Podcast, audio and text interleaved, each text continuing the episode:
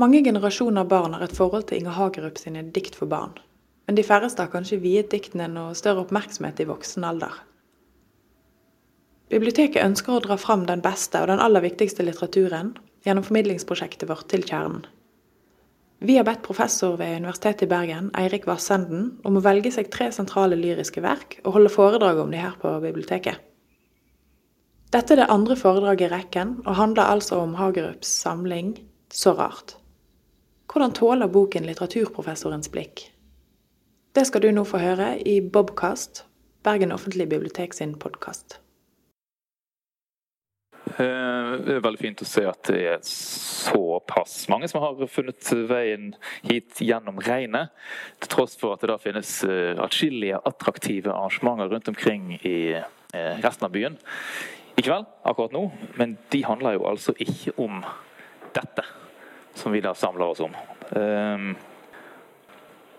Og, og, det er klart at, det, er klart at det, de av dere som også var med eh, sist gang, da vi eh, tok for oss Walt Whitman, eh, skjønner at det da er eh, et, et, ganske massivt sprang vi gjør nå.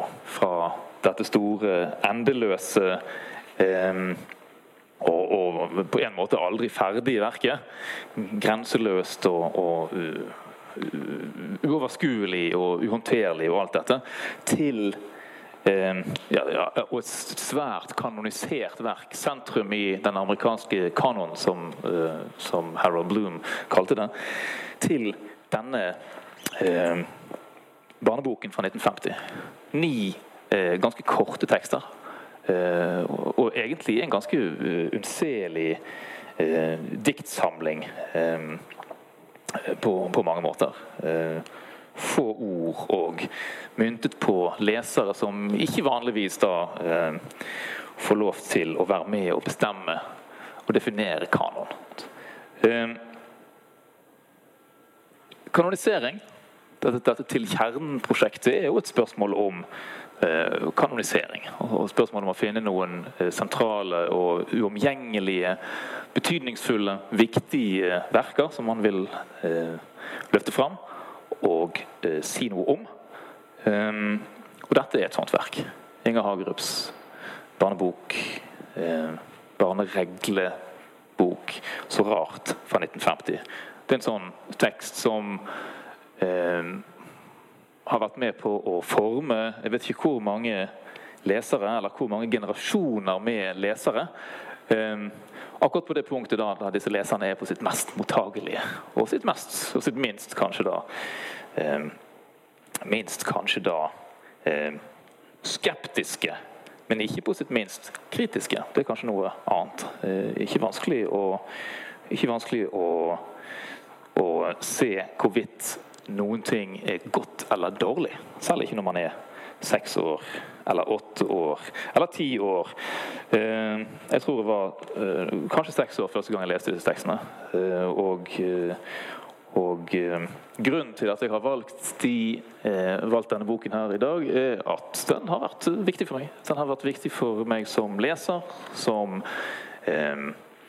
menneske, får man vel si, uten å være for, uten å være for uten å være for uh, voldsom i anslaget. Og den har vært viktig sammen med sikkert mye annet som jeg ikke overskuer. Uh, for uh, um, ja, yrkesvalg, sånne ting. Altså man, man, man, møter tekster som, som, betyr noen ting, og som, og som kommer til å virke i en. Og så er det viktig fordi at de da også lar seg så utmerket formidle videre til neste generasjon. Så dette var en tekst som jeg la bort kanskje da jeg fylte ti, og fant fram igjen da jeg fylte eh, noen og tyve. Da mine egne barn dukket opp og hadde behov for kvalitetslitteratur. Eh, så herved bidrar vi da til å eh, plassere dette, eh, dette lille verket i eh, eller bidrar til å, til å opprettholde et status som et kanonisk litterært verk. Eh, det jeg har tenkt å gjøre, er ikke å mimre. Jeg har ikke tenkt å snakke så mye om mine egne eh, følelser eller dette, dette, denne bokens eh, effekt, verken på meg eller på mine barn.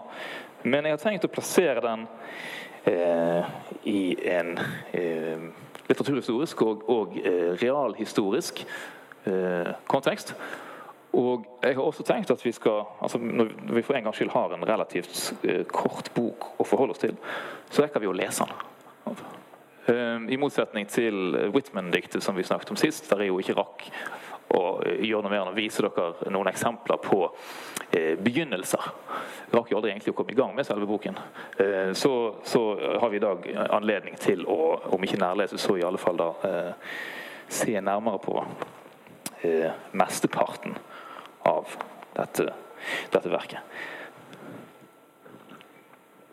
Inger Hagerup eh, var, som de fleste av dere kanskje vet, eh, oppvokst, eller født her i Bergen. Oppvokst i Nordfjord og i Volda, der hun også da gikk på eh, gymnas, før hun flyttet til eh, Oslo.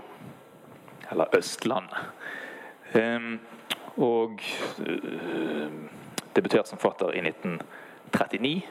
Debuterte som kritiker, altså Hun er også en ganske viktig, eh, viktig litteraturkritiker, særlig da i, i eh, den illegale, under krigen illegale avisen Friheten. Eh, der hun skrev noen riktig, riktig fine eh, anmeldelser. Debuterte i 1939 med diktsamlingen 'Jeg gikk meg vill i skogene'. Ga ut eh, under krigen, 1942, eh, like før forfatterne gikk til kollektiv streik. Altså Det kom jo nesten ikke ut bøker mellom 19, høsten 1942 og eh, våren 1945, simpelthen fordi at forfatterne streiket. Eh, hun ga ut 'Flukten til Amerika' i 1942, og så kom da eh, i 1945 ut det som vel fortsatt kanskje er hennes mest kjente eh, bok, 'Videre'.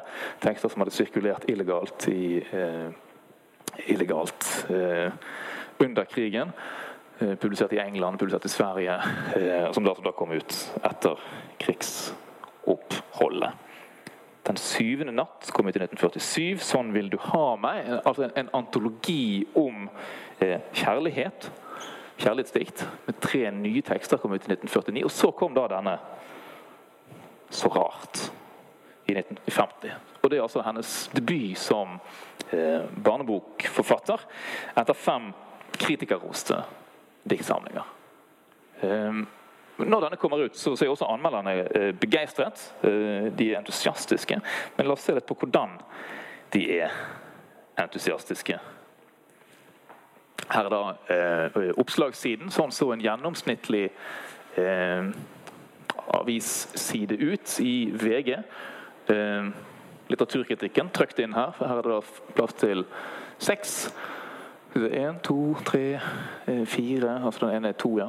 Eh, fem anmeldelser er det plass til her. Den ene er da av Inger Hagerups barnevers. Eh, det så ut omtrent på 1950 som det gjør i dag, altså når det gjelder kritikken. Det var Nesten alt kom ut om høsten. Anmelderne okket seg over at alt kom ut på høsten, og at alt måtte gjøres på kort tid, osv. Legg merke til da dere skal forstørre det litt for dere. Eh, hvordan det må gjøres hvis man vil rose en barnebok. For det er ikke helt eh, sånn uten videre. Da får jeg bare lese høyt. Eh, Inger Hagerup, så rart barnevers, Aschehoug. De barneversene Inger Hagerup har utgitt i høst, er noe helt nytt og gledelig i norsk diktning. Det åpner da eh, anmelderen Hans Heiberg med å slå fast. Men så spør han diktning. Er det ikke å gjøre en mygg til en elefant å bruke så, et så høytidelig ord om disse små, vrøvlete reglene for barn? Og alle de ni diktene tar ikke til sammen mer enn 110 sekunder hvis de leses klart og muntlig opp i strekk.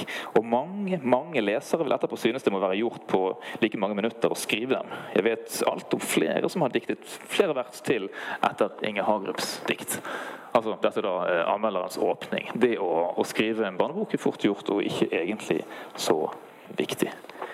Eh, men dette er da selvfølgelig da bare eh, det vi kunne kalle eh, en slags sånn obligatorisk forestilling om barnediktet, som anmelderen da må gjennom før han kan komme med sin ros. Om ordet diktning er det rette, kan foreløpig stå hen, sier han før han da går videre til å peke på det som da er det viktige i denne boken, at versene klistrer seg fast. At ungene, det må være da anmelderen til anmelderen sine egne unger, at de kan disse versene umiddelbart etter å ha sett boken en eneste en gang eller to. Og eh, ikke minst så, så eh, alle disse små historiene som fortelles underveis her. Den tragiske historien om bakeren på den lille øya som forgår i sine egne lekkerier fordi alle båtene går forbi. Han sitter alene med huset fullt av kaker og godt. Det fortoner seg for barnefantasien som aldeles meningsløst og ubetalelig komisk. Og Dette at det meningsløse eller bakvendte ofte kaller umiddelbart på latteren, er et kjent trekk fra all humor. Det er også grunnen til at barn og voksne faller for et vers om at krokodillene i Kragerø bruker sorte briller når de måker snø, eller at en faller for det nydelige diktet om tordivelen som skal fly til sin venn skipperen i Lillesand, spise kylling og bringebær, men er bedrøvet ved tanken på sine 16 barn som aldri får gå på besøk med faren. Jo visst er det nonsens. Men det er en slags skjult logikk i det. En humorens fantasifulle og helt fornuftsstridige konsekvens. Og Sansen for det latterlige har felles røtter hos barn og voksne. Kanskje gleden ved disse versene bl.a. skyldes at leseren eller den barnslige tilhøreren føler en litt forskrekket fryd ved å se ord og begreper ta fri fra sin ordnede, hverdagslige høytidelighet og boltre seg i forbausende nye sammenstillinger. Så etter å ha eh, da, gjennomgått kjapt noen sånne eh, hva skal man si, obligatoriske innvendinger mot barnelitteraturens letthet og dens eh, eh, Er det virkelig diktning vi her snakker om? Så, så, så peker da eh, Heiberg her på de kvalitetene som nesten uten videre man nesten uten videre ser. Men han peker også på, og løfter også frem, noe som, som jo definitivt kan sies å handler om det å gå til kjernen eh, av poesien. Se på denne siste eh, karakteristikken her. Tilhøreren, Den barnslige tilhøreren, leseren, føler han litt forskrekket fryd ved å se ord og begreper ta fri fra sin ordnede, hverdagslige høytidelighet og boltre seg i forbausende nye sammenstillinger. Dette er jo da eh, mer eller mindre det samme som som man kan uh, se i, den, i avansert poesiteori.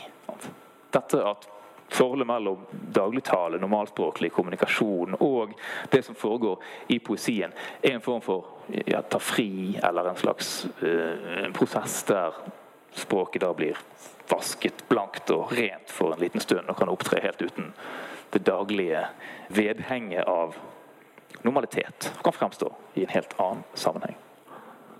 Og som det kanskje har vært også, eh, Man kan også se for seg at dette, er noe av poesiens oppgave. Å holde språket friskt, holde språket blankt og rent. I en viss forstand. Gjøre det nytt for oss. Eller å vise frem hvor, ja, hvor rart da ting kan fortone seg. Hvis man bare setter ordene sammen i en litt annen sammenheng enn det vi gjør når vi skal kommunisere effektivt med hverandre. Så langt kritikken. Og så langt eh, det man må gjøre da hvis man vil rose en barnebok. Det er ikke bare å si at barneboken er god. Hvis man skal tro Hans Heiberg her. Så rart, ja. Nå har jeg allerede avslørt at, at uh, et poeng som også da trer frem hos anmelderen her, og et poeng som jeg også har lyst til å, å, å, gjøre noe ut av, er det at vi kan Med denne, med denne boken og med tittelen og med, uh, med den måten Hagerup da gå inn i dette på. Ting blir rare. Ting blir uh, underlige, ting blir uh, underliggjort, som gjorde selvfølgelig da et, et, et litteraturhistorisk uh, nøkkelord, der ting opptrer litt ute av kontekst for å vise oss hvordan det også kan være. Sånn som i dette åpningsdiktet, da. Der tordivelen opptrer ute av kontekst. Han er ikke lenger et uh, insekt. Det er selvfølgelig et, et, vanlig, et, vanlig, element ved et vanlig trekk ved, ved barnelitteraturen. Og tordivelen finnes jo da igjen i mange andre norske eh, tekster. Prøysen, f.eks. Tordivel, Tordivel, hvor skal du hen? Ut og besøke en gammel venn. Tordivel, Tordivel, hva heter han? Skipper Hansen i Lillesand. Tordivel, Tordivel, hva skal du der? Spise kylling og bringebær. Todivel, Todivel, hva tenker du på? Jeg tenker på mine 16 små. Jeg tenker på mine 16 barn som aldri får gå på besøk med faren. Altså et, et nokså sånn klassisk og, og, og rett fram menneskeliggjort dyr, eller insekt, tordivelen. Det som vi da i poesiteorien kaller antropomorfisering av skapninger at i dette tilfellet tordivelen da får menneskelige egenskaper, og han og hans familie blir da plassert i en helt ordinær setting der eh, herr Tordivel da drar på besøk til en gammel venn. Eh, og da trer inn i rollen som den fraværende far, mens barna da får bli igjen. Ikke får lov til å være med. Altså Underliggjøring er dette bare i helt bokstavelig forstand. For det er ingen som reagerer på at en Tordivel snakker i barnelitteraturen. Det er ingen som syns det er underlig at Tordivelen da også eh, føler en form for ansvar for å forvalte sine barns eh, erfaringer og følelser. Eh, noe vi vel eh, kanskje ikke eh, helt ser for oss at insekter eh, gjør i naturen. Dette er helt, helt som det skal være i barnelitteraturen. Dyr skal snakke. Vi er ikke så vant til at det skjer i voksenpoesien. Sant? Når en kråke snakker eller en hest snakker, så, så, hugger vi til og lurer på hva i all verden det som skjer. Sant? Mens i barnelitteraturen så er det en slags normal modus. da. Um, men likevel, likevel tenker jeg at det går an å, å fokusere litt på, på, hva det er som foregår her i denne boken. Så rart. Som jo peker på en slags uh, På en slags uh, uh, grunnleggende holdning i barnelitteraturen. Som også peker på en grunnleggende holdning i poesien akkurat i det øyeblikket der Inger Hagerup gir ut disse diktene. 1950 eh, det er et slags omdreiningspunkt og et slags nøkkeløyeblikk i norsk eh, litteraturhistorie. Og der denne boken også da er, er en del av det vi kunne kalle den den, den, sentrale diskusjonen om hva modernisme i norsk litteratur kan være, skal være, hvilken plass den skal få lov til å ha. Så Sånn sett så er denne teksten, denne teksten også involvert i en, en, mer komplisert diskusjon enn bare da den barnelitterære si bevegelsen på det barnelitterære feltet. Den er inn i, dette, inn, i dette, inn i denne problemstillingen som kritikeren her også peker på. 1949, året før denne boken kom ut, var sannsynligvis det viktigste året i den norske modernismedebattens historie. Høsten 1948 hadde T.S. Eliot fått nobelprisen i litteratur. Og T.S. Eliot var da forfatteren av bl.a. Uh, The Wasteland, som i uh, eh, 1949 ble utgitt på norsk i Pål Brekke sin gjendiktning. Altså. Og Dette da er et, et, et, et betydelig øyeblikk, fordi det er, det er, det stedet der den nye stil i poesien, som han kalte det i debatten, eh, slår ned. Og den, denne nye poesien der plutselig eh, får priser. Den var gjenstand for en doktordisputas. Eh, Christian Smith disputerte på en avhandling om T.S. Eliot ved Universitetet i Oslo i, helt sent i november 1949. Og Der også da opponentene under denne doktordisputasen diskuterte hvorvidt det var rimelig å forske på et sånt dikterlynne som T.S. ærlighet, Lorentz Eckhoff, professor Lorentz Eckhoff var eh, førsteopponenter. Han synes at avhandlingen til Christian Smith var, var, utmerket gjort, men sympatiserer med en type som Elliot. Det kunne altså førsteopponenten ikke, som det sto på forsiden av VG i et slags referat fra denne doktordisputasen da, eh, dagen etter. Med tegning av eh, opponent og eh, doktorand og det hele. Sånn at Selv en nobelpris til T.S. Elliot er absolutt ikke nok til å gi han en, en, en, en suveren og uomtvistelig status i norsk litterær offentlighet. Like før jul 1948 hadde Gunvor Hofmo sin diktsamling 'Fra en annen virkelighet' kommet ut. Og fått, eh, fått en, en, en, ganske blandet mottakelse. Det kan man si, ganske blandet mottakelse. En av de som eh, roste Hofmo, en av de som, som løftet, fram, pekte, løftet, fram, det som her var i ferd med å skje både i hennes dikt og i norsk poesi, var Inger Hagerup, som anmeldte den for Friheten. Eh, en, ganske, en ganske flott, en ganske flott anmeldelse.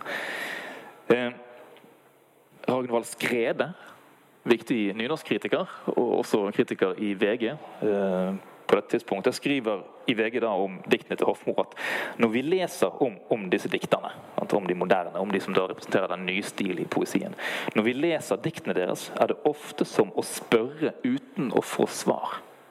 De taler et annet språk enn vi, og vi tenker uvilkårlig at enten ligger dette for høyt for oss, eller også er det bløff. Ofte er vi til å begynne med sterkt i villrede med enten det er det ene eller det andre vi har å gjøre med. Enten for vanskelig, eller så er det bløff.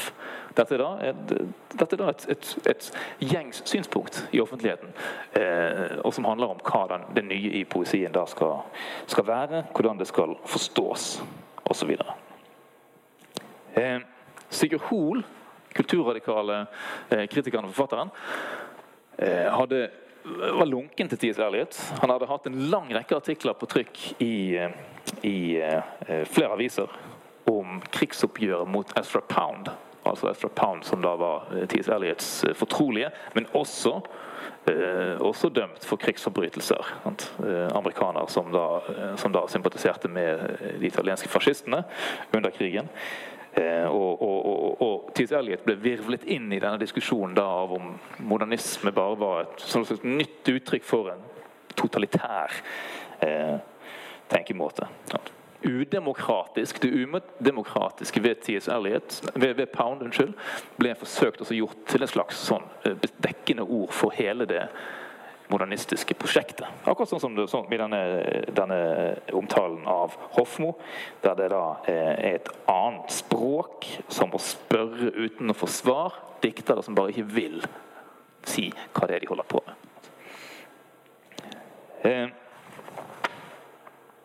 48, 49, 50.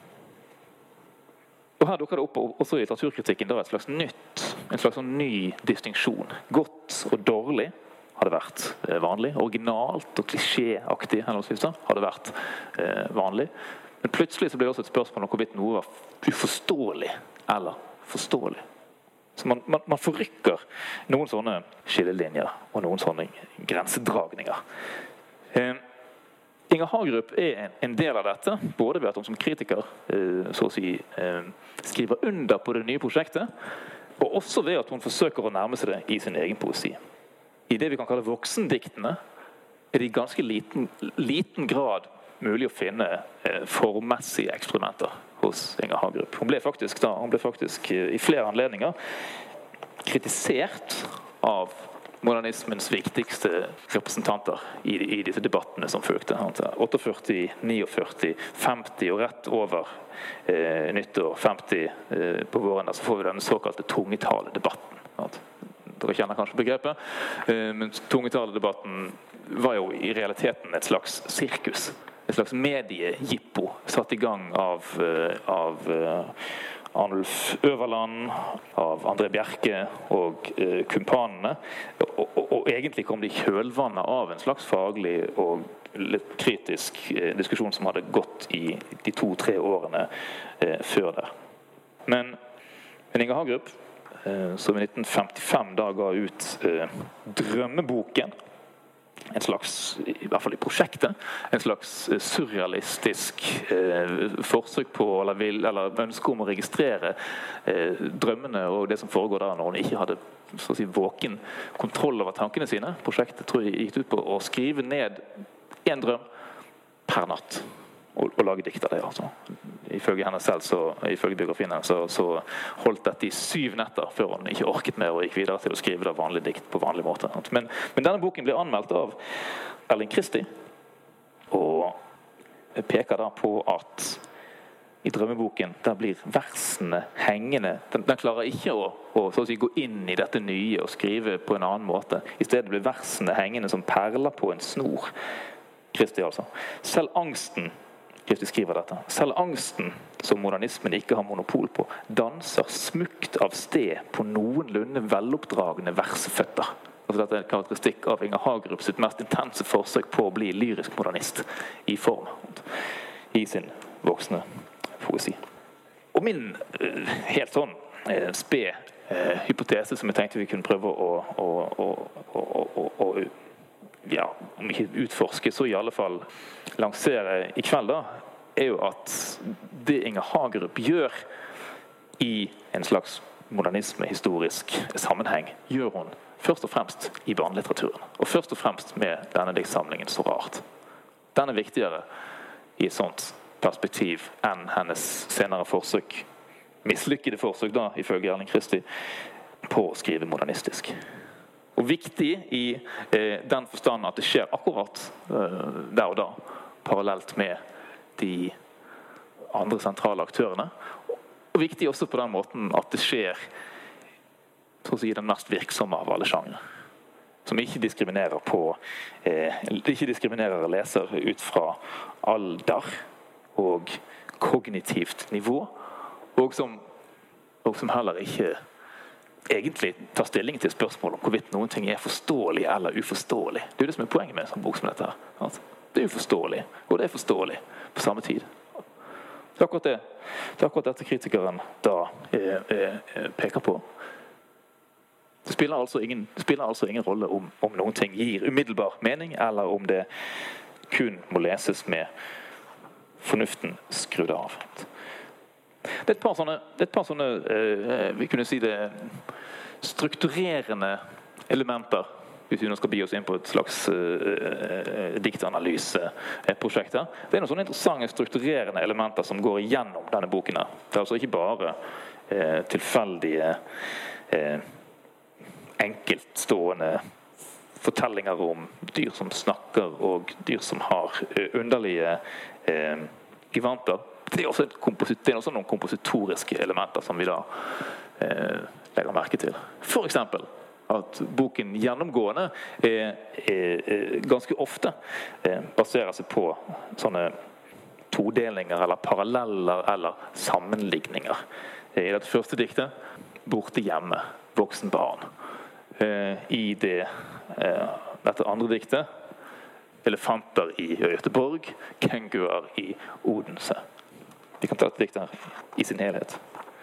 Alle elefanter i byen i Göteborg går med sorte vanter når de bærer sorg. Alle kenguruer i byen Odense bærer alpeluer når de drikker te.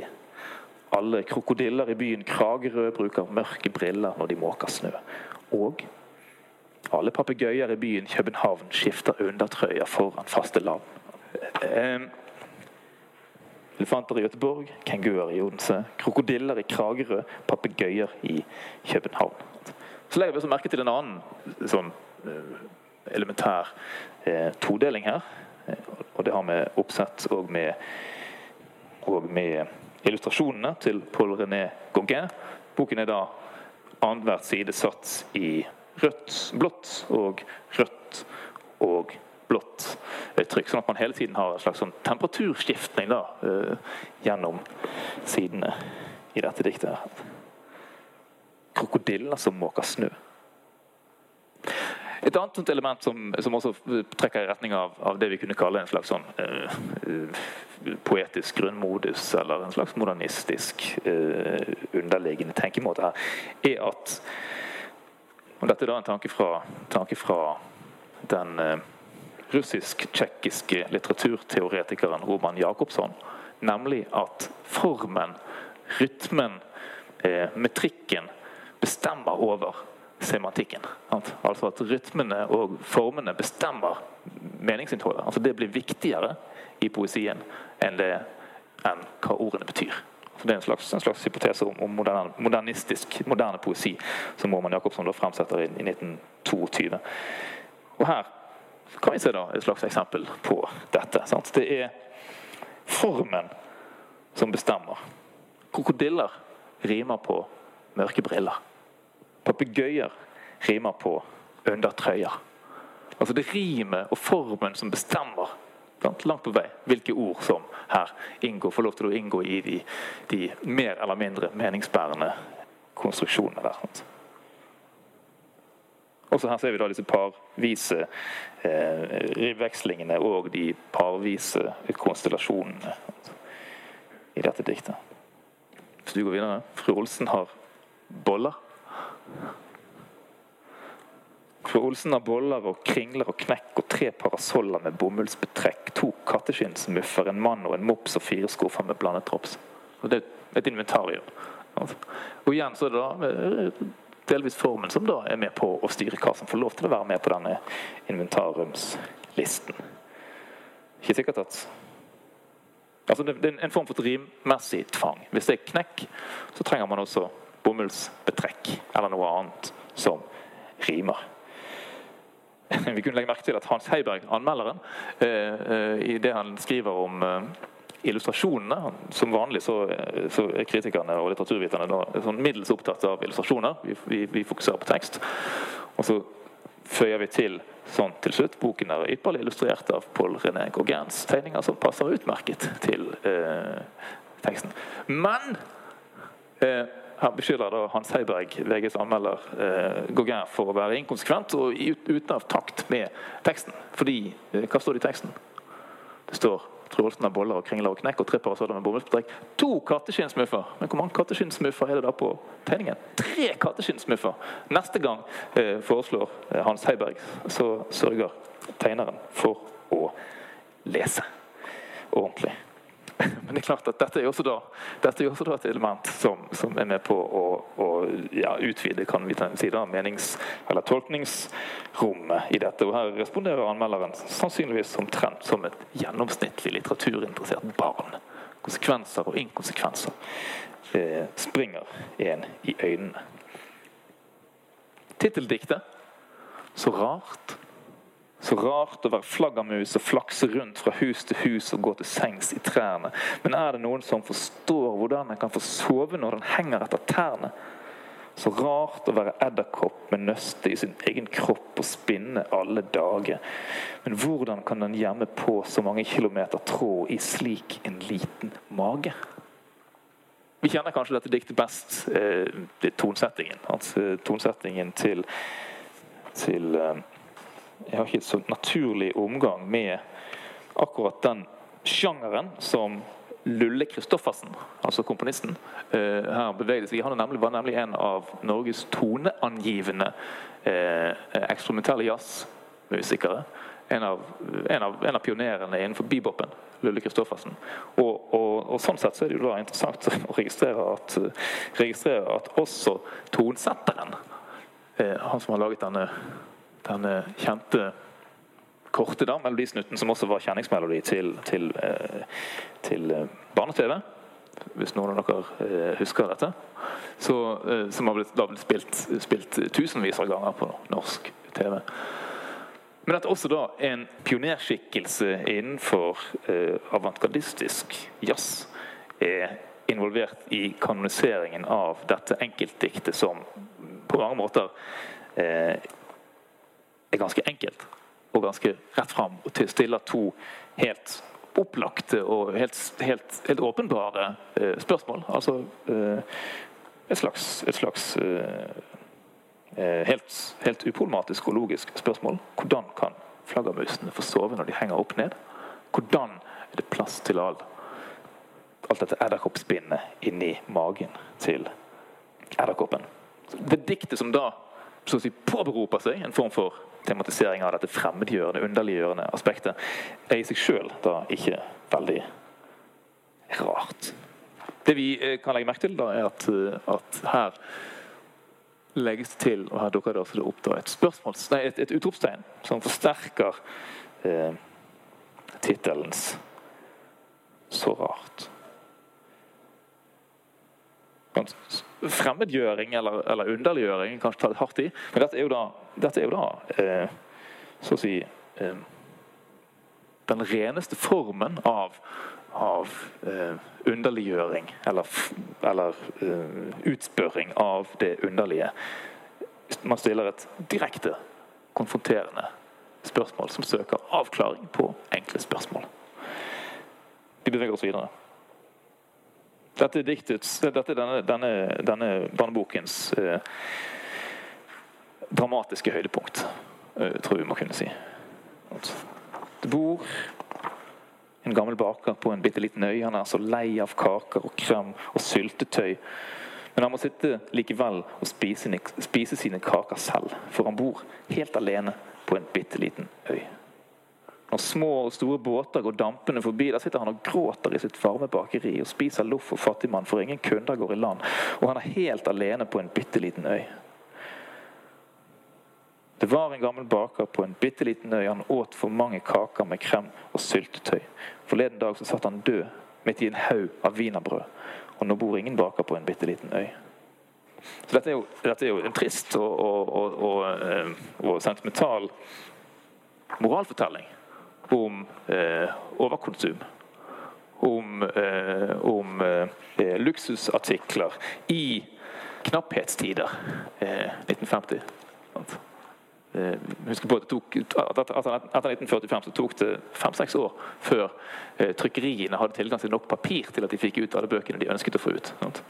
Og Da eh, plasserer en ensom, trist grå, altså den, trist, den, den gråtende rikmannen, da, sant? som er et slags topos i, topos i, i populærkulturen, den ulykkelig ensomme rike, på en øy et eller annet sted ute i skipsleia og la han spise seg i hjel. Er ganske, ganske, ganske uh, markant tematisering av et presserende tidsaktuelt spørsmål. Men det er selvfølgelig også da en slags, uh, en slags beskrivelse av den isolerte, avsondrete posisjonen. Uh, han sitter på en øy. Han er altså isolert i bokstavelig forstand. Isola. Øy. Eh, Ellen Christie ga forresten ut hans hans gjennombruddsdiktsamling. Kom vel da ut i 1948 eller 49. 'Prinsen av Isola' heter den. Ellen Christie sin, sin, eh, sin første store bonanistiske eh, bok. Så hvis vi vil tolke et enkelt dikt Det kan også være ok. Det kan også være et slags overgrep. Eller kan også man fort gå for langt når man, når man nærmer seg sånne tekster. Eh, så er jo dette også et bilde av den ressurssterke eh, elite som spiser seg i hjel i splendid isolation mens fellesskapet da seiler forbi. Men det er også med litt mindre, med litt mindre voksen trøkk og moral i lesningen, så er jo også bare en trist fortelling om en stakkars baker som ikke er i stand til å nå fram til sine kunder. Fordi bakeriet hans dessverre ligger på feil sted. Neste tekst. I huset bortenfor huset bortenfor huset til snekker Kvikk. I rommet innenfor rommet innenfor rommet til hans butikk. Bak skapet bakenfor skapet bakenfor skapet til hans madam. Der ligger faren. Til bestefaren. Til bestefarfarens søndagskam. Foruten at denne teksten da har en sånn, en sånn eh, det vi kunne kalle en slags sånn kinesisk eskekonstruksjon. En, et rom bakenfor et rom, bakenfor et rom, bakenfor et rom og, og, og, kanskje også da er formet som en slags gåte. Innerst i den kinesiske esken så finnes det Hva finnes det der? Som også plasserer eh, ledd på ledd på ledd i forbindelse med hverandre. Som er en slags sånn slekts, slektshistorie. Altså eh, Så er det også en fremvisning av et, et slags sånn lyrisk eh, grunnfenomen. Som man ser mye tydeligere i eh, og som er mye viktigere i moderne poesi enn i klassisk poesi. Nemlig det at linjen og linjeskiftet blir meningsbærende på en helt bestemt måte. Eh, dette at linjeskiftet plutselig eh, plutselig får lov til å altså slutt, slutt, Sluttordet i linjen får lov til å henge før linjen fortsetter. Det er selvfølgelig spesielt effektivt i siste linje, som da eh, rommer muligheten for at denne gåten kan være mye mer dramatisk, eller iallfall vanskeligere å forstå enn det vi først eh, kanskje tenker oss. Der ligger faren til bestefaren til bestefarfaren sin søndagskam. Altså, sånn, når linjeskiftet får lov til å, til å løpe ut, så eh, ligger det bare den altså ligger bare søndagskammen der inne. Og ikke noe skumlere eller noe mer komplisert. Mer i dybden går derimot dette diktet. da. Jeg klarte ikke å la være å, å, si det. Eh, på havets bunn står skutene med svære, svarte seil. Maneten pusser rutene og bruker dem til speil. Men stakkars torskesnutene, de tar bestandig feil. Altså, sånn at I fiske- og undervannshierarkiet er torsken den eh, dummeste eller den mest forfengelige av disse skapningene her. De gamle, kloke krabbene tar panserskjorte på og digre klør på labbene når de skal ut og gå, men kommer enda stabbende forsiktig og på skrå. Det er så vått så susende i havets røde trær når vannet kommer brusende og hutetu for vær. Da kryper sneglehusene i ly på sine knær. Men aller dypest nede gror et ensomt muslingskjell der verdens største perle bor alene med seg selv. Du skal få et eventyr om den en annen kveld. Her ser vi bare et lite, lite eksempel på at denne si, skiftningen mellom det blå og det røde også gjenspeiles i, i teksten her, med disse røde trærne, eller koraller eller anemoner av forskjellige slag, som det da sannsynligvis er snakk om. Ehm, det vi også her da møter, er noe som vi har møtt som, som da fins i litteraturen, og særlig i barnelitteraturen. Og særlig i den eksperimentelle barnelitteraturen som dukker opp omtrent på dette tidspunktet, mellom 1945 og 1950 det vi kaller for mundus inversus, altså verden snudd på hodet. Mest, mest, og Det beste eksempelet på akkurat det er jo da hele den boken som Sinken Hopp Eh, ga ut i 1948, 'Trollkrittet'. At hele verden blir vrengt inn ut gjennom et barns eh, kontroll av et liten kritt, en lite, lite kritt. Som man kan tegne det han vil med, og som lager en alternative universer og verdener osv. Men også her, i dette diktet, der hele verden da er, trer fram igjen på nytt på havets bunn. Eh, Riktignok blant skipsvrak og befolket av undervannsdyr som da eh, i mer eller mindre antropomorfisert, altså menneskegjort form, inngår i forskjellige relasjoner eller eh, befolker dette undervannslandskapet. Hvis vi vil, så kan vi selvfølgelig lese dette som en slags, et slags eh, pseudorealistisk skildring av eh, havbunnen rundt omkring i Europa i årene etter krigsopphøret. Men vi behøver ikke å gjøre det hvis vi ikke vil.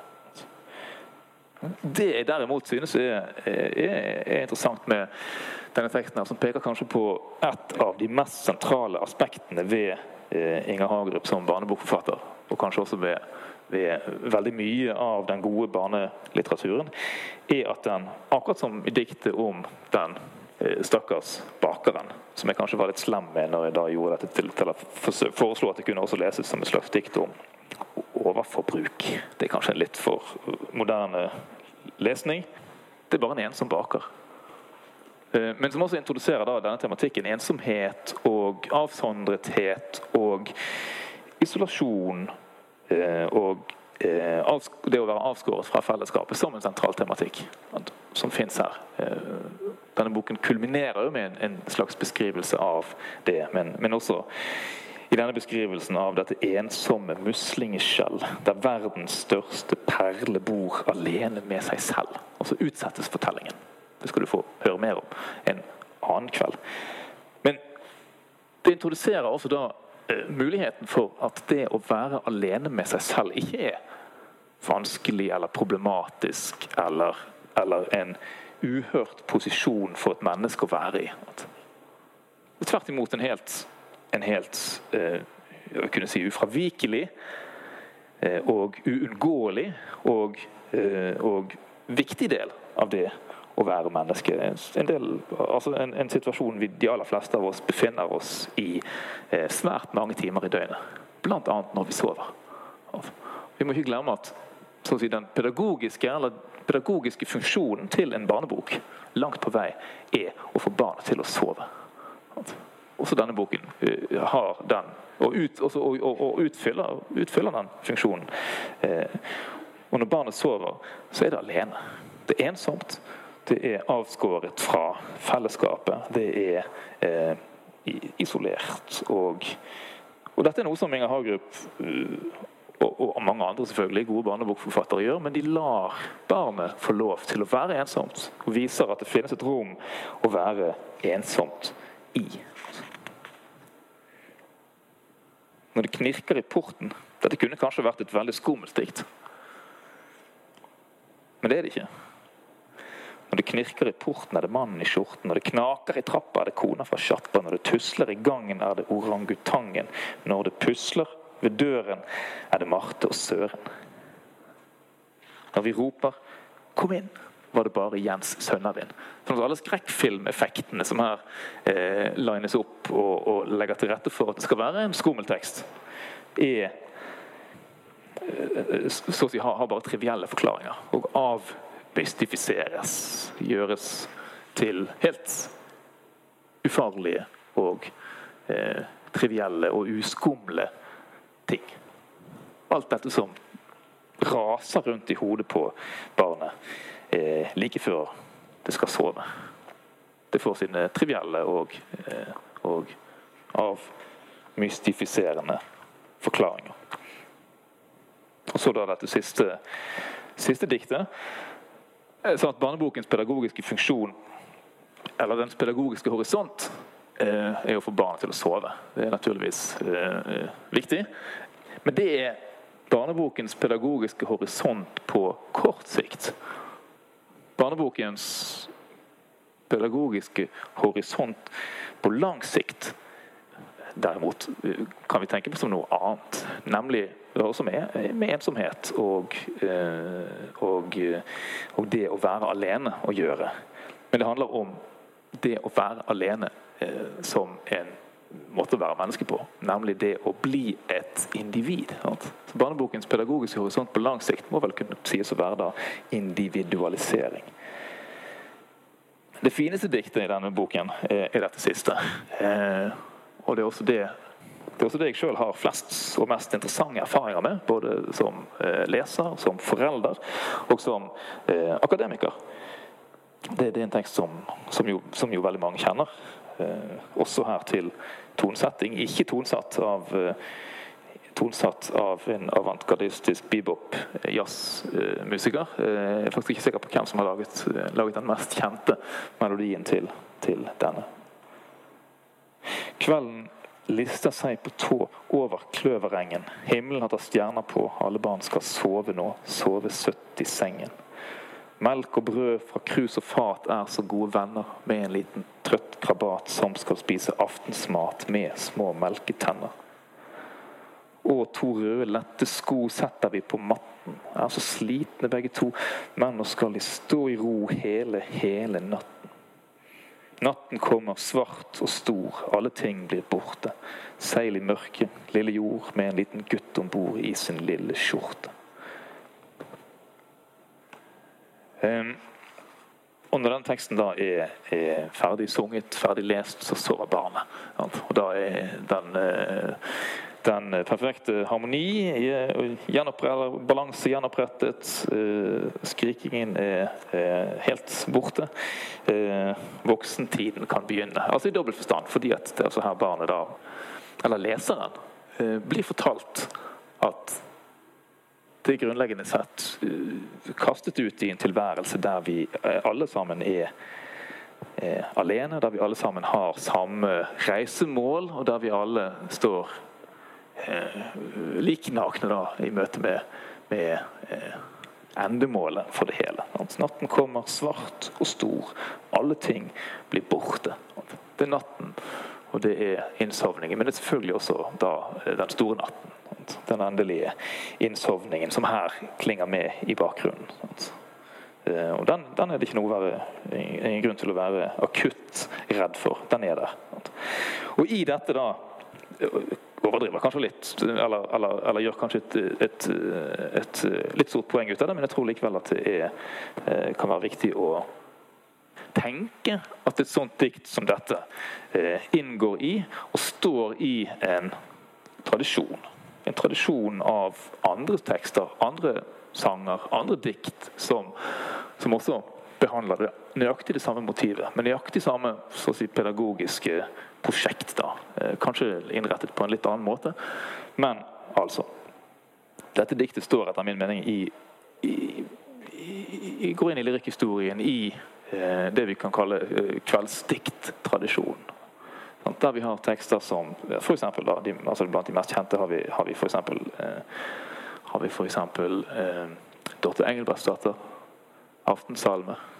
Dagen viker og går bort, luften blir tykk og sort. Og så er diktet da en 20 strofer lang bearbeiding av denne angsten, før Dorte eh, i siste, de siste strofene da eh, gjennom bønn har bearbeidet og, og meditert over angsten og eh, forsont seg da med at den angsten som verden skaper, den skal stilles i eh, himmelen og hos, eh, hos Gud Fader i det høye. Eh, den går også inn i tradisjonen etter eh, Hordalands store dikter Olav Nygaard. Nå reiser kvelden seg i vesterbrun og trør på lette føtter gjennom tun. Det er kanskje det diktet som ligger tettest på akkurat denne. Kvelden lister seg på tå. Nå reiser kvelden seg i vesterbrun. Hele denne antropomofiseringen av kveldsskikkelsen. Men også eh, flere av Inger Hagerup sine egne tekster. Bl.a. Et, et, et kanonisert kveldsdikt, kanskje til og med kanskje et krigsdikt i denne eh, samlingen videre, 1945. Eh, tekst som 'Sen august'. Eh, flott, flott dikt. Eh, men i alle disse så så er det da eh, natten og kvelden som den, si den, den både uroskapende og den harmoniopprettende, eller kanskje, kanskje heller den, den eh, angstproblematiserende eh, Det angstproblematiserende motivet. Eh, og Denne diskusjonen har jeg midt oppi under min egen doktordisputas, for å komme tilbake til det akademiske. da.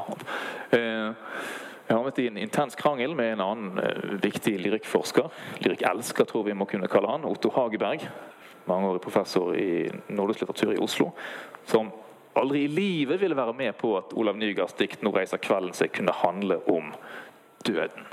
Det er et dikt om fruktbarhet, om gjenfødsel, mener, mente Otto Hageberg da. Eh, kan det da være sånn, skal det da være sånn at alle dikt som handler om kvelden, også handler om døden? Mener du virkelig at Inger Hagerups eh, 'Kveld lister seg på tå' også kan være et dikt om døden? Innforstått en sånn liten eh, latter på slutten der, da. Og, og, jeg kunne ikke svare noe annet enn at det mener jeg alvorlig. Jeg mener fortsatt det. Eh, og jeg mener fortsatt at det også er noe av det viktigste ved dette diktet, og ved disse diktene til Inger Hagerup, at de, at de reiser en kunne kunne kalle det en høyere himmel over disse, over disse eh, i utgangspunktet eh, tilforlatelige og enkle diktene som på kort sikt kanskje har som hovedformål å få barnet til å sove, men som på lang sikt har som formål og funksjon og effekt å gjøre oss til individer. Å gjøre oss til, til eh, voksne. Jeg tror jeg stopper nå.